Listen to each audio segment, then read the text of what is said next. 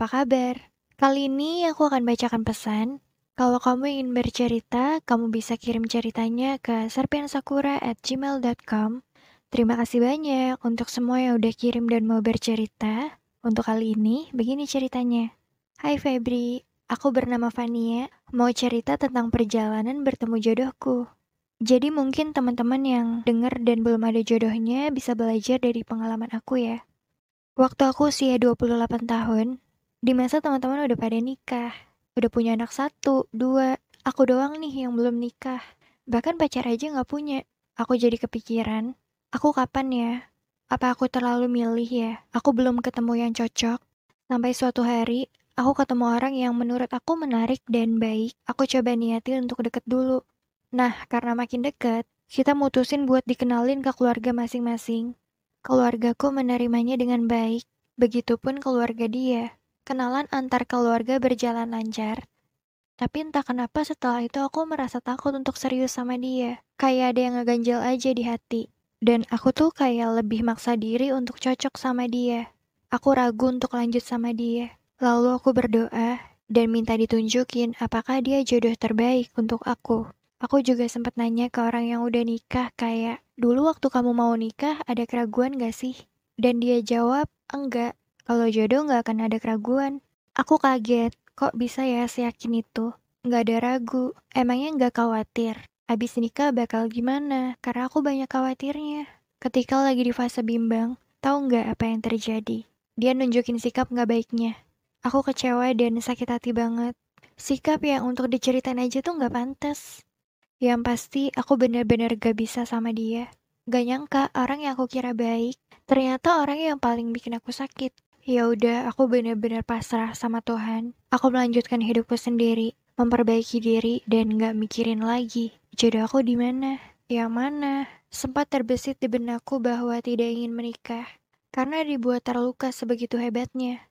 Aku fokus menyembuhkan lukaku supaya orang yang benar-benar mencintai bisa aku balas dengan cinta juga, bukan hanya jadi pelarian atas luka. Aku pun jadi lebih tenang dan happy sama hidupku Terlepas dari drama-drama yang terjadi, aku gak menyesal sama sekali. Aku bersyukur karena kita gak jadi. Aku gak bisa bayangin kalau aku tetap sama dia akan jadi seperti apa nanti. Hingga tiba di waktu usia aku udah kepala tiga. Aku ketemu sama seseorang, dan dia benar-benar serius sama aku. Awal pertemuan kita tuh sepele sebenarnya, hanya berada dalam satu acara. Orangnya bukan cuma menarik, tapi semua hal yang baik tuh ada di dia. Aku sampai nggak percaya, karena sosok yang aku kira nggak pernah ada, ternyata ada di dirinya. Dan segala urusan bersamanya lancar aja, hingga kami menikah. Sekarang aku benar-benar bahagia hidup dengannya. Ternyata benar, kalau jodoh nggak akan ada keraguan, akan selalu dimudahkan, entah itu pertemuan, perencanaan, atau apa pun. Aku merasakan bukti nyata kalau jodoh di waktu yang tepat itu benar adanya. Tuhan cuma mau kita sabar aja sampai tiba waktunya. Jadi tenang aja kalau kamu masih dalam masa penantian. Semoga nanti dipertemukan dengan jodoh terbaiknya, karena waktu terbaiknya nggak pernah salah. Oke, terima kasih ya. Masa-masa mengkhawatirkan memang sering kali terjadi pada usia yang terus bertambah. Teman-teman sudah pada menikah, apalagi jika banyak pertanyaan dari orang sekitar. Kapan nikah? Pasti merasa sedih dan bimbang Aku rasa semua orang mau menikah, tapi kalau belum bertemu dengan jodohnya, ya mau apa? Nanti juga pasti ada waktunya. Jodoh itu kan misteri yang tidak bisa ditebak kapan datangnya, dan bagaimana ia hadir di kehidupan kita. Bukan di waktu yang cepat atau lambat, tapi di waktu yang tepat.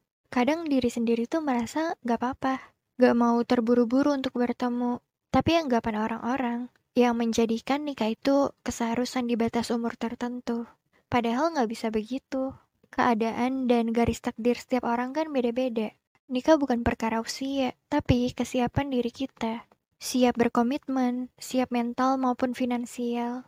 Nikah jangan karena malu dengan status yang terus sendirian, apalagi ikut-ikutan, karena masalah rumah tanggamu nggak akan sama dengan temanmu.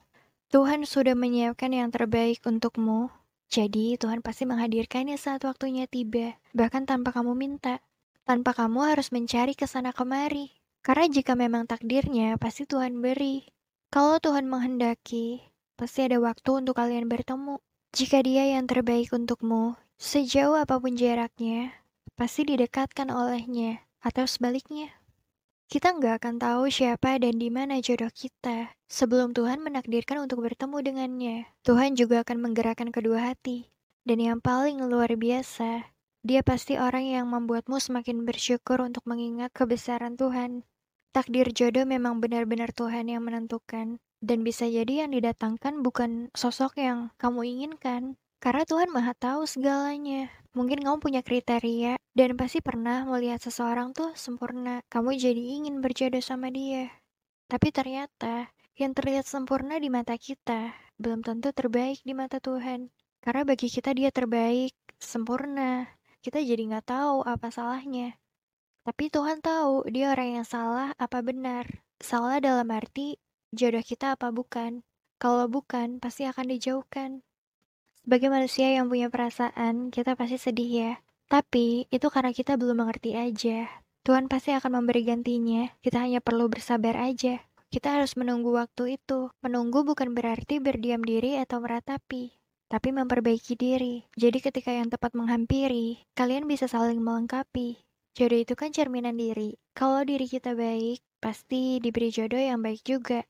Aku tahu menunggu itu melelahkan, tapi untuk apa kita meragukan skenario yang telah Tuhan tuliskan? Bukankah kita tahu bahwa Dia sang penguasa yang mampu membolak-balikan hati manusia? Serahkan saja padanya. Kamu juga pasti tahu bahwa Tuhan maha baik dalam mengatur segala rencana. Aku juga setuju banget sama Kavania. Kalau jodoh di waktu yang tepat, itu benar adanya. Terus berbaik sangka sama Tuhan ya, maka kita akan merasakan keajaibannya. Kalau dirasa lama, Kapan datangnya? Itu karena Tuhan ingin tahu seberapa sabar kita.